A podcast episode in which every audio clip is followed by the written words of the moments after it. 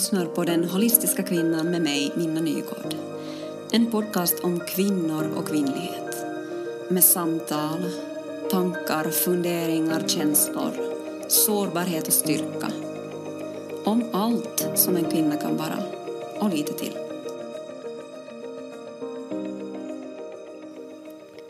Hej på dig, kära lyssnare. Jag är jätteglad att du lyssnar. Välkommen med om det här är ditt första avsnitt så I så fall så gå jättegärna in och lyssna även på de andra avsnitten. Och till er allihopa så skulle jag be er att på den plattform som ni lyssnar, gå jättegärna in och följ den här podden om ni inte redan har gjort det. Uh, ge den eh, gärna fem stjärnor och skriv en rad om du känner för det. Så tack för det om du vill göra det. Sen så kan vi gå över till dagens avsnitt eh, som är ett mycket mer spirituellt avsnitt. Min gäst är Carolina Hellén.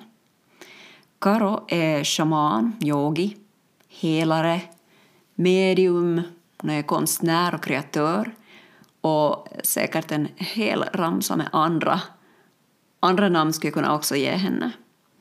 Men i det här avsnittet så, så behandlar vi hennes hennes liv, det som har format henne, det som har lett henne till den hon är idag. Hon hade redan som barn helande krafter och fick ta del av, av en del shamanska läror. Men hennes barndom var också väldigt starkt präglad av psykiskt, fysiskt och sexuellt våld. Och det, det, som, det som är verklighet och vardag för ett barn, så det, det blir ju till hennes sanning. Och här så ledde det till, till ett väldigt, en väldigt toxisk bild av hur man bygger upp förhållanden. Vad som är feminint och vad som är maskulint. Och en stor misstro till speciellt andra kvinnor. Och när vi inte bearbetar våra trauman, när de stannar i kroppen, så blir det ofta till det att de manifesterar sig i fysisk form i kroppen. Och för Carolina så blev det här en cancerdiagnos med dödsdom. Men det gick hon inte riktigt med på, så hon började jobba med sina sår. Och till slut så helades hennes kropp. Och genom den här resan så väcktes hennes spiritualitet igen. Och hon tog mera kontakt med sina, sina rötter tog tillvara den kunskapen som hon hade fått därifrån och insåg att hon inte kanske behöver ta den där toxiska delen, den liksom skadade delen av det, utan det fina. Och efter det så har, har det rullat på och det har fortsatt att öppnas för henne och idag ser hennes liv helt annorlunda ut.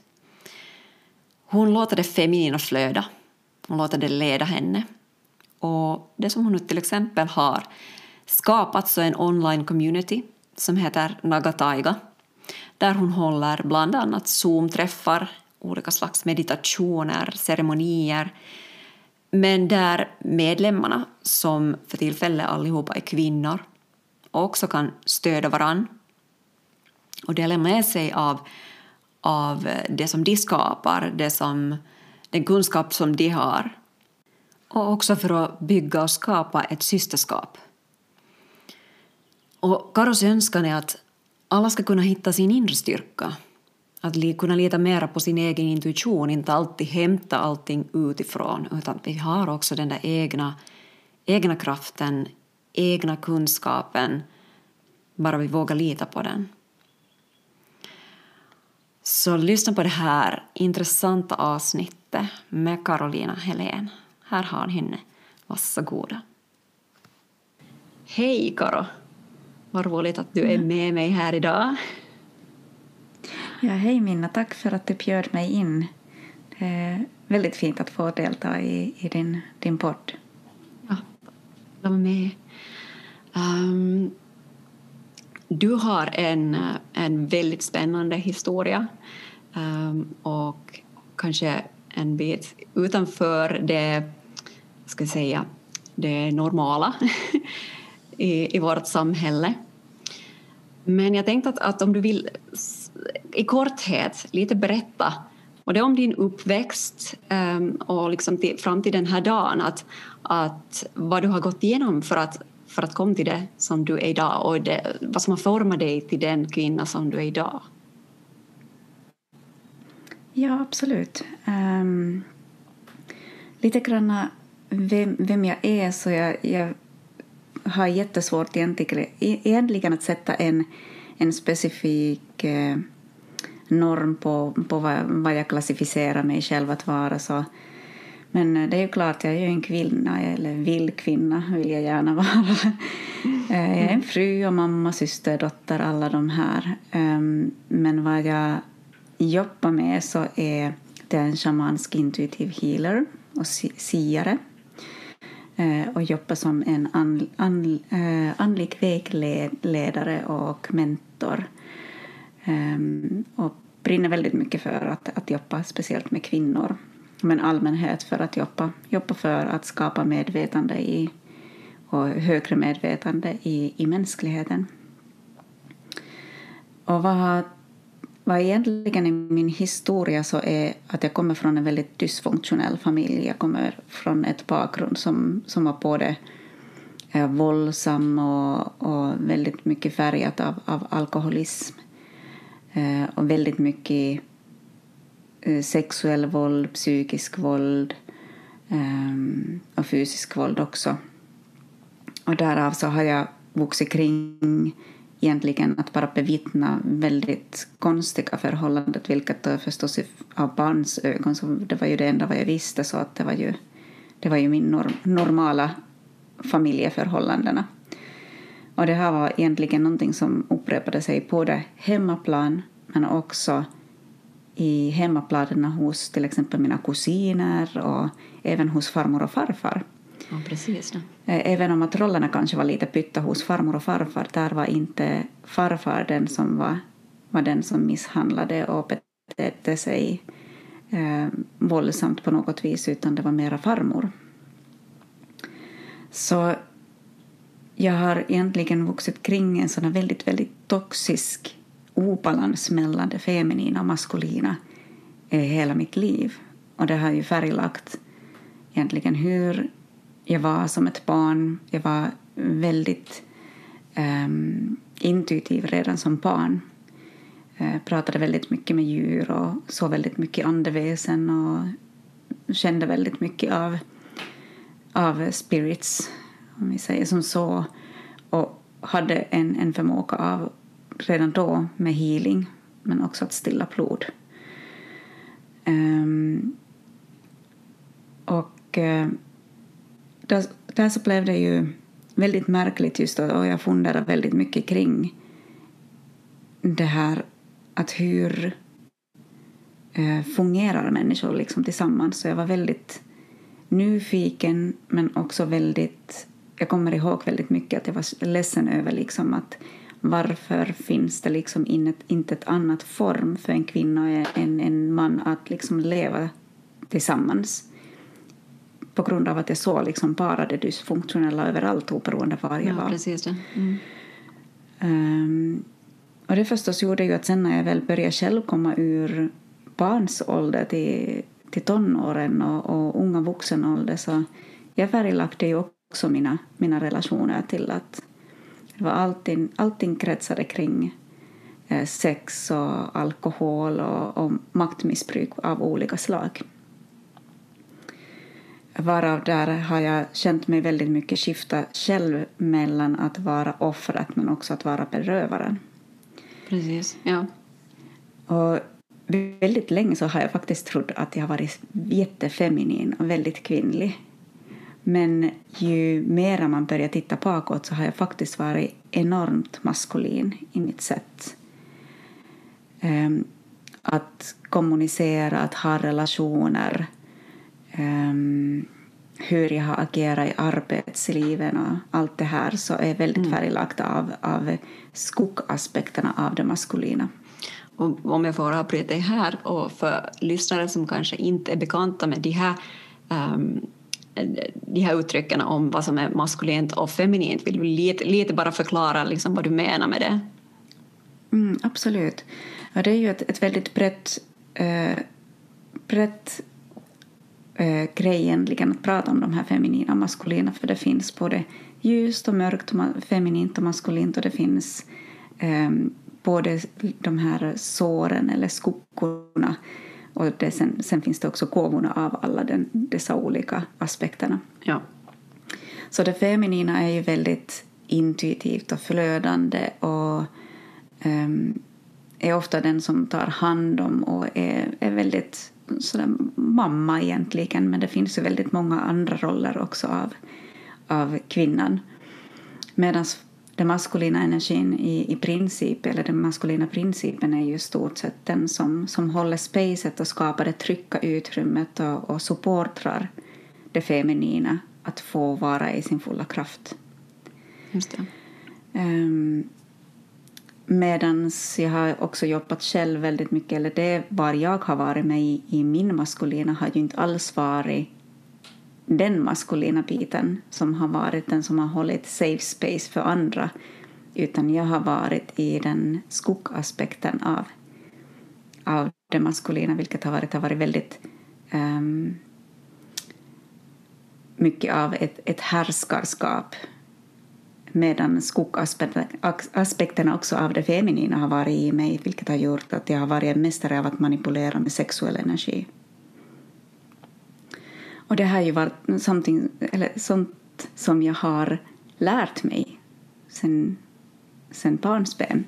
Så det mm, har ju liksom varit det enda vad jag har förstått. Hur... Det, var, det var din sanning? Ja.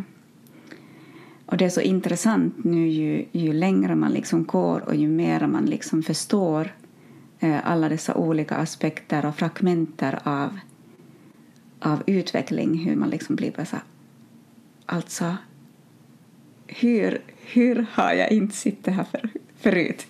Att det är så exalterande och befriande och enormt kraftgivande också att kunna se långt bak i tid, se sig själv i olika situationer och ha en helt annan förståelse än att istället gå in i den här klantrandet och skammen och allt vad jag kan tro att vi alla bär med oss från olika situationer och delar av livet där vi känner att, att man har varit pinsam eller för mycket eller ja, gjort bort sig på olika plan.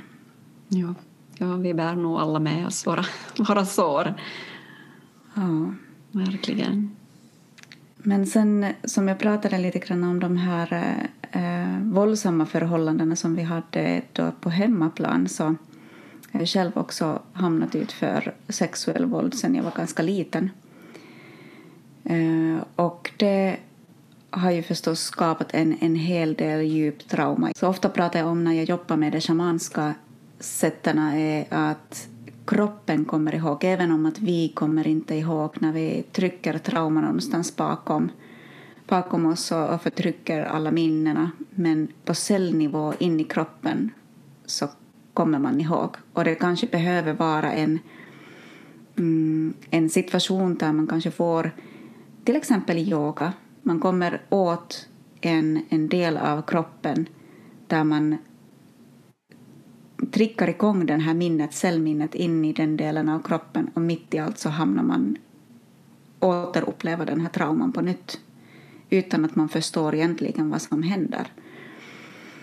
Um, så trauman då som jag hade byggt längs, längs mitt barndom och även upp i ungdomen. Jag höll ju på då i, i mitt sätt att leva så höll jag ju på att bara samla mer och mer trauma på mig på grund av att jag agerade ju ut i världen helt och hållet baserat från mina traumatiska upplevelser. Så till sist, när det inte fanns något supportsystem för mig att behandla eller bearbeta de här systemen så började det bygga upp eh, toxicitet in i kroppen vilket sen till sist och slutligen ledde till cancer. Och under den här cancerresan så det som var kanske det mest förvandlande för mig så var den natten när jag dog där jag fick informationen just om, om alla dessa olika händelser som var placerade och hade liksom samlat cellminne då på olika delar av kroppen. Och att jag behövde verkligen ta itu med att gå igenom och läka alla dessa sår på cellnivå för att kunna bli frisk från cancer. Och egentligen på den vägen är jag. Jag började jobba väldigt djupt med mig själv, hamnade väldigt djupt in i yogan, eh, kom tillbaks in i minnen av förhållandet med min farfar som är ju en, en shamansk gubbe ute uppe i, i norra Finland och eh, intresset av det okulta. Min farmor var ju då mera praktiserade häxkraft. Okay. Eh, och till, för länge har jag haft egentligen en motstånd till hennes kunskap på grund av att jag kommer ihåg henne egentligen mestadels som en väldigt elak kvinna som var ju väldigt taskig mot, mot den mannen som jag älskade som allra mest. Min farmor, eller farfar var min, min tryckapunkt i livet väldigt länge. Och eh, därför så ville jag egentligen stöta bort allt det som kom genom henne, allt det vad hon hade lärt mig. Och den har egentligen växt till sig först nu det här senaste året som den har börjat bubbla i mig. Men jag kan ju välja att veta, att använda, men utan att vara i hennes mörker. Jag behöver inte bli mm. henne. Så sen hamnade jag tillbaka in i mina rötter, både det shamanska och, och lite mera i det okulta i, i häxandet, om man säger som så. Mycket örter. Jag jobbar väldigt mycket med örter och mineraler. Och vatten är ett väldigt, väldigt kärt element för mig. Mm. Um, så där är egentligen en, en sån här kort inflow till vem är jag, varifrån kommer jag och varför gör jag det vad jag gör. Ja. Yes. Um, när, när du sen blev um, sjuk så då hade du redan bott en, en längre tid också på Åland. Du hade flyttat dig ner från, från de eh, norra delen av Finland ditåt. Och då hade du redan träffat din man också så du var ju på, en, på det viset så här, i ett um, friskare förhållande än vad du hade varit tidigare, eller va? Jo, jag hade en... Eh, det här äktenskapet som jag är i nu, som är här på Åland, den som egentligen kärleken som förde mig hit, mm. så är mitt andra äktenskap då. Mitt första äktenskap var med min ungdomskärlek då, mitt stora ungdomskärlek som, um, som jag var i då i, i 12 år uppe i, i Österbotten då också. Men jag ser också hur, hur den har servat oss, vilka gåvor den har kommit med men var också väldigt ohållbar. Vi var alldeles för unga och det var väldigt mycket sår från bägge håll som var oarbetade och ledde till, till sen att, att vi bara slet varandra sönder. Ja. Jag tänker också det att, att liksom i det, nuvarande förhållande att, att du hade ändå kanske börja hitta redan lite mera rätt att hitta den där mm, bättre sidan av femininiteten där i ditt nuvarande förhållande även före din, din cancer. Jo, Stämmer det? Absolut. Jag gled ju tillbaka från att jobba till exempel inom industrin så började jag jobba tillbaka med kroppar. Jag utbildade mig till en massör i Vörå och eh, jobbar egentligen väldigt passionerat med kroppar. Älskar att jobba med kroppar. Um, och jag älskar ännu denna dag att göra liksom kroppsbehandlingar även om att jag gör inte på det viset massager eller ens jäsenkorjaus mer så mycket i och med att mina, mina ledare vill inte riktigt ha ork med det. Men jag älskar verk, verkligen kontakten, hands-on-kontakten med människan och jag kan mm. se att det finns en, en enorm potential där att jobba med, med energier. Mm. Um, och när, vi, när jag sen i, efter separationen flyttade till, till Åland så, så var egentligen väldigt mycket som hände väldigt fort. Um, fick ett, ett tredje barn Eh, och det var då med den här nya mannen i mitt liv. Och eh, det satte egentligen redan igång väldigt, väldigt djupa healingsprocesser för att jag hamnade i en postpartum eh, depression som tog mig verkligen in till djupet. Eh, jag hamnade att börja verkligen klura in på, på min, eh, min egen självvärde. Jag fick väldigt mycket problematik tillbaks som minnena till, till tonåren där jag hade ätstörningar och sånt som kom tillbaks upp på ytan. Och jag hamnade liksom att börja jobba med aspekter som jag hade redan jobb, eller som jag egentligen hade bara genomlidit sen barn. Men det kom upp i mig som en vuxen kvinna och jag hamnade liksom börja bearbeta det från det vuxna perspektivet. Då. Men jag var ändå inte jätteinlagd på det viset i eh, spiritualitet utan jag, alla de här bearbetningarna satt ju igång också emot eh, sån här arbete vilket gjorde att jag blev faktiskt väldigt självdestruktiv i form av att jag överarbetade, jag övertränade och alla lediga tider som jag hade så söp jag. Okay. För det, det blev för mycket. Mm. Och jag hade ingen nätverk överhuvudtaget mm. att få liksom support i. Och jag ser ja. att, att min insjuknande i cancer var egentligen den enda porten, portalen ur, ur det här ja, kluttret som, som jag levde i. Precis. Och, och efter, efter ditt tillfrisknande så, så sökte du dig först till yogan. Ja. Mm. Det var egentligen det... någonting som, som min, en av mina käraste kompisar faktiskt eh, började komma frekvent hem till oss och hon guidade allt genom mig. Hon hade just då gått själv i Indien en yogalärarutbildning. Så hon kom alltid med jämna mellanrum in och, och guidade igenom bara några andningsövningar, eh, några asanas. Och, och det var liksom bara såna jättekorta praktiker men jag blev helt till mig av liksom känslan och effekten vilket gjorde då att jag började sen sakta mak eh, hitta mera videos och inspiration från Instagram och så vidare och började göra mera själv.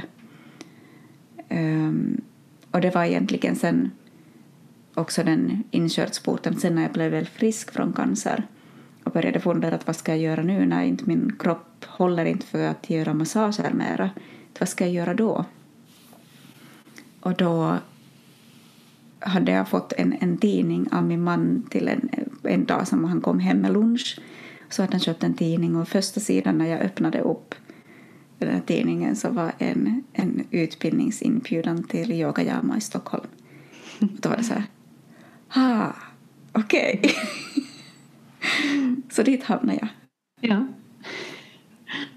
Och det var också där vi möttes. Det var där vi möttes senare. också. Du var min mentor, ja några, några år senare. Ja, ja det är roligt hur våra vägar, vägar liksom knyts ihop alltid på olika sätt. Men sen så har du ju inte stannat där utan du har, som, du har format din egen yoga också via sedan andra saker, att det har väckts mer och mer saker i dig hela tiden. Jo, jag, i och med att jag började studera mera och visa intresse i eh, de shamanska praktikerna så gled jag mera och mera in i också att inte bara utforska hatta-yoga som, som en form av yoga utan um, hade några väldigt kraftiga upplevelser där jag fick kundaliniresning vilket guidade mig till en helt annorlunda praktik. Jag har aldrig egentligen eh, praktiserat kundalini-yoga eller andra former av yoga än, än hatta-yoga och ashtanga-yoga. Men eh, någonstans så halkade jag in ändå att jobba lite mer med kundalini och också flög in och började jobba också in, in på tantriska, mera tantriska traditioner. Mm. Eh, och därav så skapades egentligen konceptet naga-yoga som är ju då ett shamans yoga där vi jobbar väldigt mycket med eh, psykoemotionell release i kroppen genom eh, somatisk rörelse och andning som, som en um, färkost egentligen. Mm. Precis det. Och nu har du också skapat ett, en egen plattform uh, för, för medlemmar där de kan ta del av dina ritualer, dina meditationer, dina praktiker? Jo, jag skapade ju, jag har ju en, en yogastudio också men jag håller på lite grann att avveckla mig från, från själva yogalärandet. Vi har en onlineportal nog eh, där det finns klasser och så och där jag kommer kanske eventuellt vara delaktig på något sätt. Men jag har börjat utveckla mer, mer mitt eget enskilda portal som heter Nagataiga. Och i den medlemskapssidan så där delar jag med mig då som, precis som du sa, meditationer och, och lite mera transmeditationer, trumresor och eh, energi-readings. Jag vet inte riktigt hur man ska säga det på, mm. på svenska på ett vettigt sätt. Mm. Um, men lite grann sådana updates på, på liksom vad som är i, rör sig i Akashic Records i, i förhållandet liksom i mänskligheten och jorden och, och sådär. Så att det är väldigt mycket med energiarbete som jag jobbar där. Precis.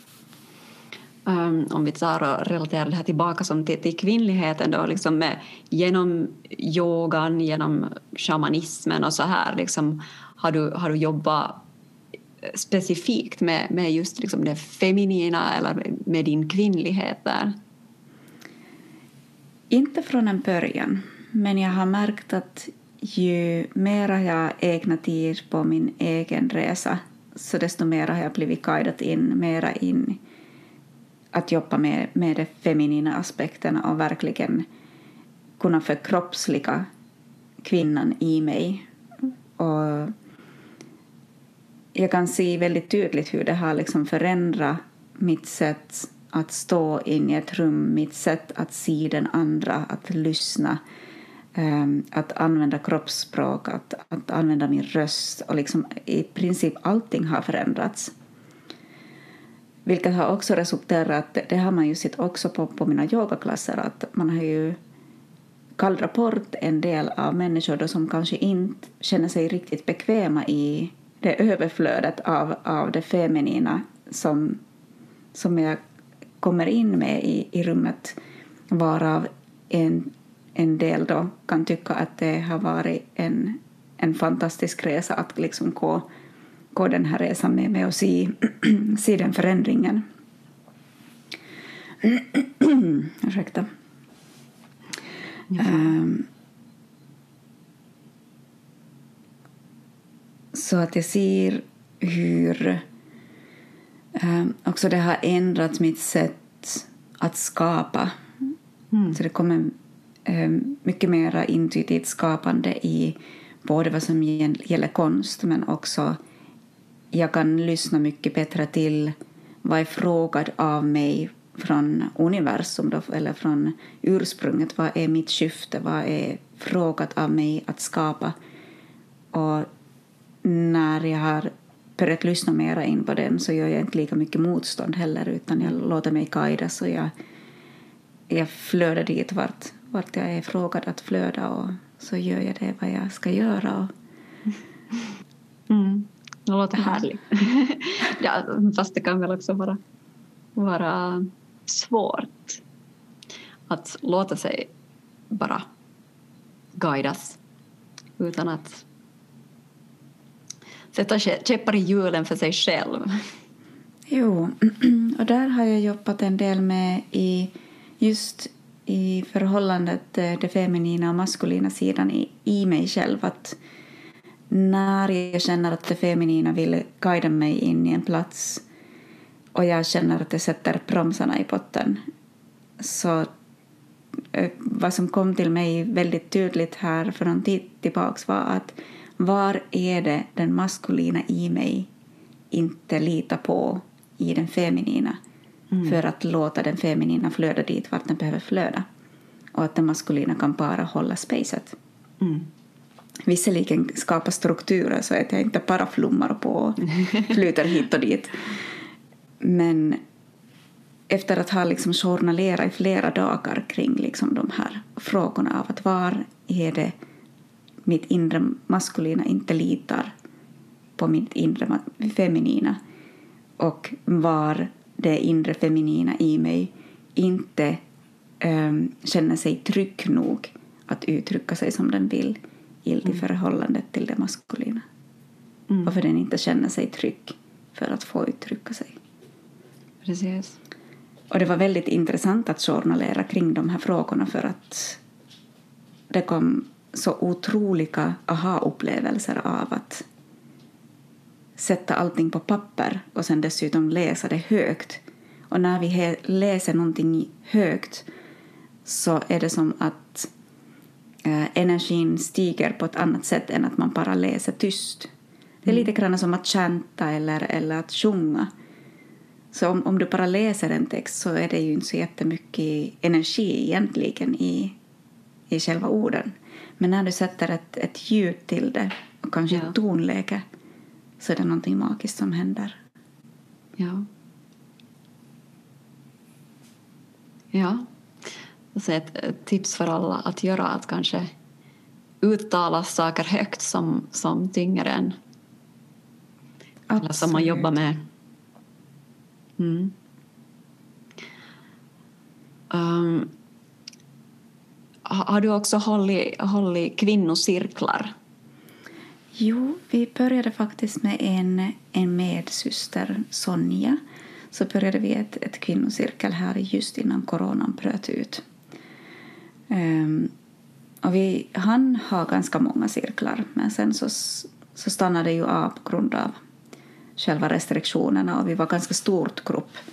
Så det kändes också väldigt orättvist att man skulle börja krympa ner gruppen för att då var det hälften av gruppen som skulle inte få komma eller att det blev, ja, skulle bli någon tävling av att vem som hinner anmäla sig först och vi tyckte att det, det tar bort själva syftet av att alla ska få ha sin röst, alla ska få bli bevittnade. Mm. Så vi har tills vidare inte haft en cirkel men jag håller på och utvecklar online-cirklar istället och faktiskt kommer att kicka off en, en cirkel i nästa fullmåne i 26-27 någonting där kring. Um, där vi jobbar internationellt med kvinnor. Ja, precis. Och det blir en, en sån här um, ja, eld, i livmoder-cirkel så att vi kommer att väva in dit både shamanska praktiker och, och mera häxpraktiker men också tantra. Väldigt mycket av okay. de aspekterna eller de linserna som vi kommer att jobba med. För mm. att syftet egentligen är för att eh, ta tillbaka den förkroppsliga kvinnan och den visdomen och vildheten och um, råa kraften i kvinnan och att känna att man kan faktiskt eh, ge kraft åt sig själv utan att man behöver alltid söka den utifrån av någon annan. Mm. samtidigt tänker jag också att just med, med, med den här kvinnocirkeln, att vi liksom samlas tillsammans, att bli sedda av andra kvinnor där man är utan den där rivaliteten som vi ser som finns ganska mycket i det här samhället vårt, att det är där vi liksom kan skala av oss lite, dela med oss utan att någon är där och dömer oss och får den här friheten att, att liksom ta fram andra nya aspekter i oss. Absolut, och vi fungerar ju som speglar till varandra. Så att allt som oftast i, i cirklarna just när, när någon går in och, och vill bli bevittnad i någonting så är det ju allt som oftast att man känner alltid någonting i sig själv också. Att ah, men det där känner jag igen i mig själv. Ehm, jag har själv väldigt mycket sår i systerskap vilket har varit en utmaning för mig att faktiskt kliva in i det här syftet som nu har blivit påpekat till, till mig att göra. Ehm, och jag har suttit väldigt länge och prokrastinerat liksom och skjutit fram och skjutit fram för att jag känner liksom att nej, det, nej hur ska jag, liksom, hur ska jag klara av att sätta mig in i, in i liksom den här situationen där jag Eh, ska umgås med så många olika kvinnor och, och så. Och speciellt i, i ledarskap eh, position så känns det på något vis ännu hemskare. Eller sådär. Eller som, som det kändes då. Nu känner jag liksom bara så att det bara pirrar i hela kroppen bara jag pratar om det. Men till exempel min farmor så lärde mig från väldigt litet så var det att det ryms bara en alfakvinna i en by. Det är liksom, det är liksom ett, ett, i ett samhälle så det, det ryms bara en alfakvinna i ett, i ett by. Och vad hon egentligen brukade säga det här på finska, jag kan försöka översätta det på svenska också, men hon sa att vi tullaan hallittu isompiakin maita. Så att med, med fittan har man liksom styrt även, styrt även större länder.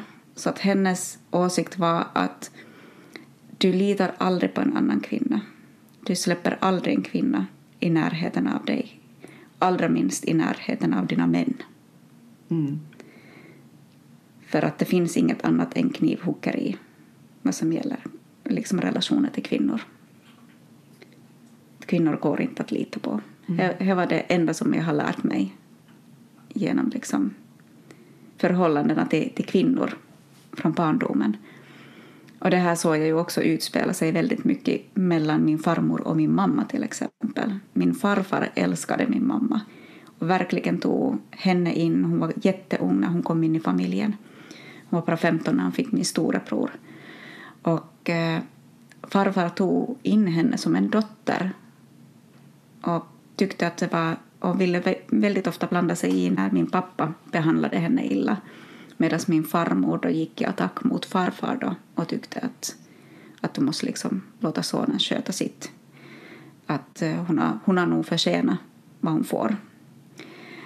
Så det här är liksom är förhållandet som, och utspelet mellan förhållandet mellan kvinna, kvinna, kvinna, man som, som jag har liksom vuxit med.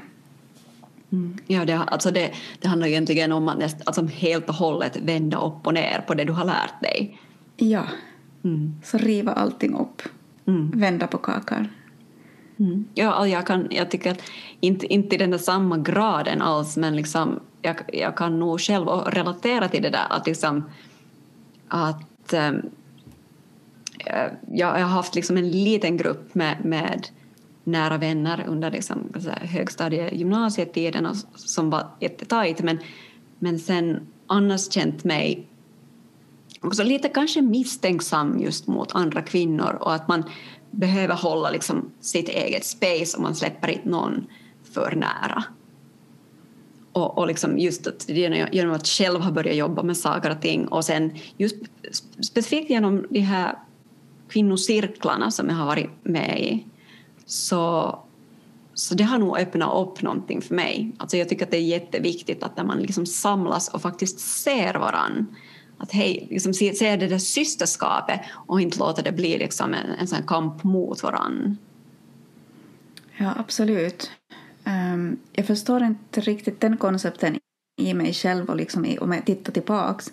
För jag har, trots de här färgningarna som jag har haft i livet så har jag ändå varit väldigt, väldigt blåögd och haft alltid liksom en, en tro äh, av det bästa av alla och liksom ja, har haft väldigt svårt att bedöma egentligen någon på det viset. Men det har också ändå någonstans knakit in i den där liksom att även om man, att man har velat ge allt av sig själv till exempel en, till en tjejkompis, liksom berätta, öppna upp allting så har man ändå liksom gått den här klumpen i magen liksom att, att kommer hon liksom att vända det här mot mig vilket i sig har varit ett självuppfyllande profetia för att det händer mm, alltid. Eh, och där kommer vi tillbaka in i energin, så allting vad vi liksom sätter in som ett program in i huvudet, att så här kommer det att gå, så kommer det troligen att gå så. Men nu har jag haft enormt sköna eh, upplevelser och nya relationer med, med kvinnor som har kommit de här senaste åren och, och det blir nästan tårögd när man liksom tittar och hur mycket liksom skönhet som väcks ur, ur att få verkligen vara i sin råaste form och aldrig behöva be om ursäkt för att till exempel att, att man råkar ut för en lite sämre dag och man har gjort planer med någon och så säger man så att nej vet du finns inte på världskartan idag och utan att, att den andra går liksom i attack eller börjar liksom prata illa om en och med, med andra kompisar så istället är det liksom så att nej men okej, nej men vad härligt att du tar hand om dig själv liksom att mm. vi hörs en annan dag. Medan tidigare skulle det ha varit så där att har man bestämt sig att nej jag orkar inte åka på, åka på lunch till stan med en kompis och sen så blir det ett jäkla drama av det istället och så, så drar man in hela kompisgänget för att liksom vatt få över, över den här situationen att, mm. att hon beter sig så illa och sätter alltid sig själv i första hand. Då. Ja, det, den där liksom, dels ödmjukheten men också liksom approachen till hur man själv, alltså ödmjukheten mot en själv förstås också som gör att det, liksom, det utstrålar en annan energi sen också till alla andra. Ja, men visst gör det det. Mm. När man tillåter sig själv att vara skör och ta, ta utrymme eller, eller till och med dra sig i sitt eget skal en stund och sitt eget mörker en stund så ger man ju tillåtelse för andra att göra det med. Mm. För det finns så jättemycket skam i att sätta gränser, att ta plats, att bli hörd att uh, vara skör, att vara liten, att vara svag. Mm. Um, och vi har så väldigt länge levt från den här aspekten av att man måste konstant vara på fötterna, man måste konstant vara stark. Uh, sträva, sträva, sträva, sträva, jobba hårt. Mm. Tår, tårar, svett och, och, och, blod ska det liksom helst vara för att det ska vara värt någonting. Mm. Oberoende om det sen är vänförhållandena eller jobb. Mm. Precis. Ja, att komma liksom lite bort från det här. Jag tycker inte riktigt om det här ordet stark kvinna eller orden stark kvinna utan se, se liksom att okej, okay, jo klart att man kan vara stark men vad betyder det att vara en stark då? Och, och att se på det så att det finns flera olika aspekter av, av att liksom vara kvinna. Och som, som sagt, om vi går ännu in på det här med maskulina och det feminina, att, just att kvinnor är ju inte bara i det feminina, vi är ju hela tiden liksom både och. Och som du sa, det finns de där skuggsidorna av båda sidorna och, och så finns det de, de, liksom, eh, de där sidorna som vill sträva mot. Och att, att det är hela tiden en dans i den där balansen mellan alltihopa. Att, att, att hitta dit. Att, att en dag är man mera i på någon sida kanske mera i det feminina och en annan dag liksom mera i det maskulina och att det är okej okay, det också.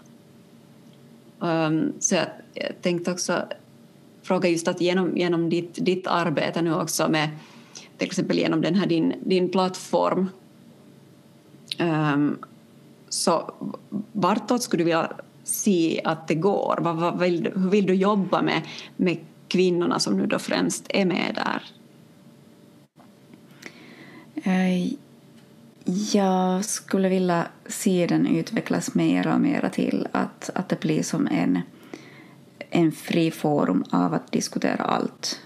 Och att Eh, nu just är det en ganska liten plattform och det är först och främst egentligen jag som, som nojsar på där och, och ger ut både videos och, och håller Zoom. Så, så där vi har ju veck, veckor, varje vecka så har vi ju liksom en till två Zooms där folk får liksom helt gratis sen, sen joina in. Att medlemskap är ju ett, ett um, en investering, då, men väldigt liten sån. Um, men sen så finns det ju just som månceremonier och sånt här. Och vad jag vill guida där mera kvinnorna till så är just att, att våga öppna sig av eh, sitt hjärta eller sitt livmodershjärta. Att, att kunna liksom sätta ut eh, tankar, eh,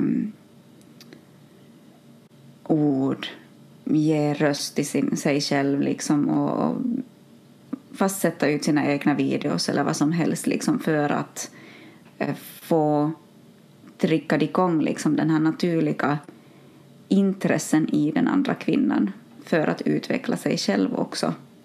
Även om att jag kanske inte gillar ordet utveckla så jättemycket men, men liksom i, i förmån av bättre ord. Eh, I och med att det finns så enormt mycket just potential i, i det när man går in med öppet hjärta i och, och ser andra kvinnor, deras tankar, eh, vad de gör, hur de jobbar. Och just allt från att vara i ett förhållande, vara en mamma, vara en, en dotter, vara en, en entreprenör. Att liksom få väva in all, alla de här olika rollerna och se, liksom bli, få näring av, av varandra på det viset att eh, väva och skapa tillsammans. Mm. Ja, det låter ju mm. fint. Så jag tänker att vi får börja, börja knyta, knyta ihop påsen här så småningom. Är det ännu någonting som du vill, vill um, lyfta fram som du tycker att är viktigt, som du tycker att alla borde kanske som, som kvinnor mm, se på eller ta till sig eller kanske ta med i sitt, sin vardag? Mm. Jag skulle vilja... Jag är själv, själv väldigt mycket i en period av, av njutning, självkärlek. Och det är någonting som jag skulle vilja utmana alla kvinnor att, att utforska djupare i. Um, hur skapa mera njutning för sig själv. Och jag skulle vilja göra det till en varje dags praktik. Mm. Uh, för där kan jag se någonting väldigt fint att växa upp liksom av den energin. Saker och ting öppnar sig helt annorlunda liksom i varje dag om man, om man ger sig en stund på morgonen. Att om det sen är liksom um, mjuk, sensuell dans, dans med sig själv eller om det sen är att man går all in med Joni eggs eller Wands eller vad som helst. Um, men att lyssna in vad behöver jag för att skapa den här känslan av välbefinnande och njutning mm. för att vara i min egen kraft. Ja. Ja, det där kan jag nog instämma i. Det här borde ta själv också mer som, som egen praktik oftare. Verkligen. Mm. Mm. Det tycker jag låter som ett bra avslutningsbudskap av dig. Så tack för att du ville berätta din historia åt oss. Tack för att jag fick komma. Det var verkligen värmde mitt hjärta att få, få inbjudan. Så tack mm. Minna. Tack. Och tack lyssnare. tack för att du har lyssnat på dagens avsnitt. Om du blev intresserad av Carolina och hennes arbete så hittar du länkar i avsnittsbeskrivningen. Och om du har frågor, om du har förslag eller kritik så får du också hemskt gärna ta kontakt med mig. Och det kan du göra via Instagram eller skicka mejl på denholistiskakvinnan.gmail.com. Så tills vi hörs igen så ska du ha det riktigt bra. Hej då!